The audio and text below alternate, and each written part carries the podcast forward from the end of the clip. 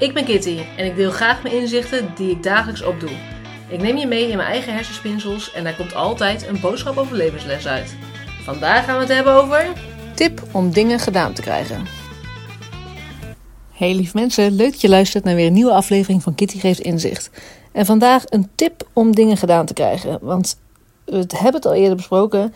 Maar ongetwijfeld dat iedereen het wel herkent. Dat je op een gegeven moment heb je een lange to-do-lijst. Of misschien is het nog niet eens een lange to-do-lijst. Is het gewoon een to-do waar je tegenop ziet. Waar je geen zin in hebt.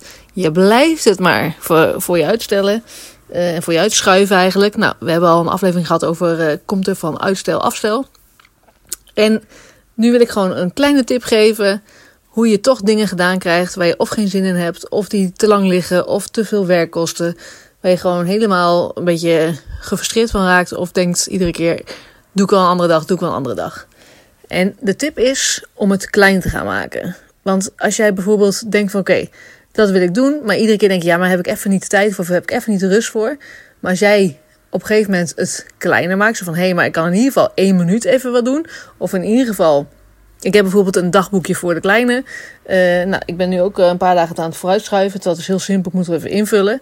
Maar voor mij zit het voornamelijk in dat ik weet, ik wil foto's uitprinten en dergelijke. Nou, dan moet ik dat allemaal eerst uitzoeken. Dan moet ik het even naar me toesturen. Moet ik het gaan printen, moet gaan knippen, moet gaan plakken. Kost dan even werk.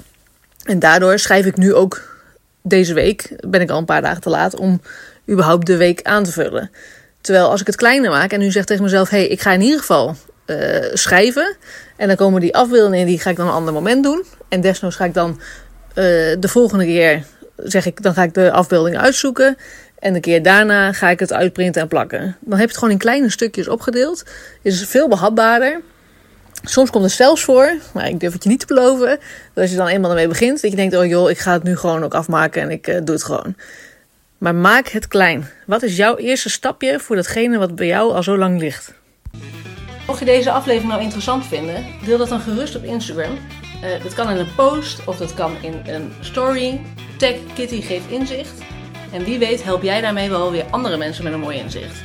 Heb je een vraag naar aanleiding van deze aflevering? Stuur mij dan gerust een DM of een e-mailtje naar kitty.geefinzicht.nl Bedankt voor het luisteren en tot het volgende inzicht.